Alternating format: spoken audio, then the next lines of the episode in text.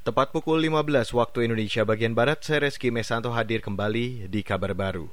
Saudara sejumlah pimpinan serikat buruh yang berdemonstrasi menolak Undang-Undang Cipta Kerja bertemu dengan perwakilan dari Mahkamah Konstitusi atau MK di Jakarta hari ini.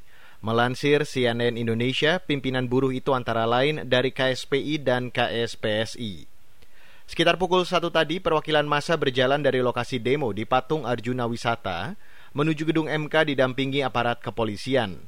Mereka diterima oleh Sekjen MK Guntur Hamzah, Panitera Muda MK Triyono Budiharto dan juru bicara MK Fajar Laksono. Presiden KSPI Said Iqbal menyatakan, pertemuan itu untuk menyerahkan surat pernyataan sikap buruh terkait Omnibus Law Cipta Kerja.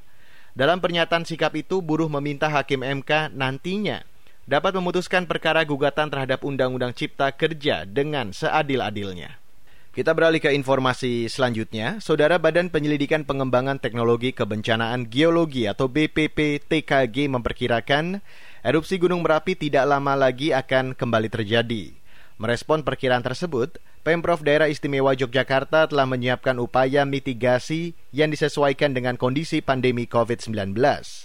Sekretaris Daerah DIY Kadar Manta Baskara Aji mengatakan, Peringatan dini itu menjadi pertanda agar semua pihak bisa berjaga-jaga.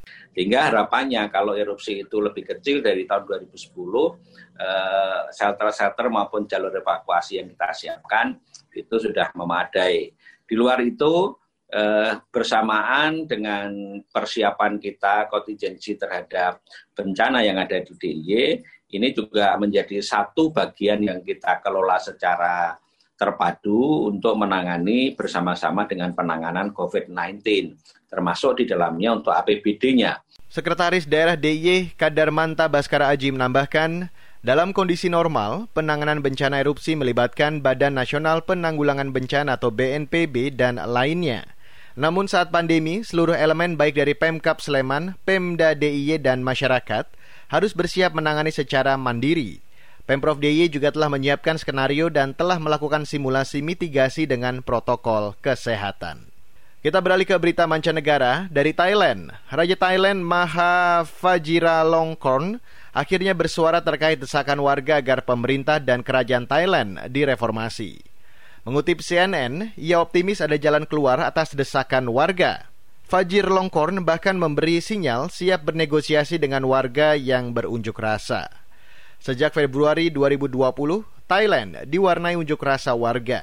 Pemicu unjuk rasa adalah dibubarkannya satu partai Future Forward Party atau FFP yang dijagokan banyak warga Thailand karena pandangannya yang progresif dan anti koruptif.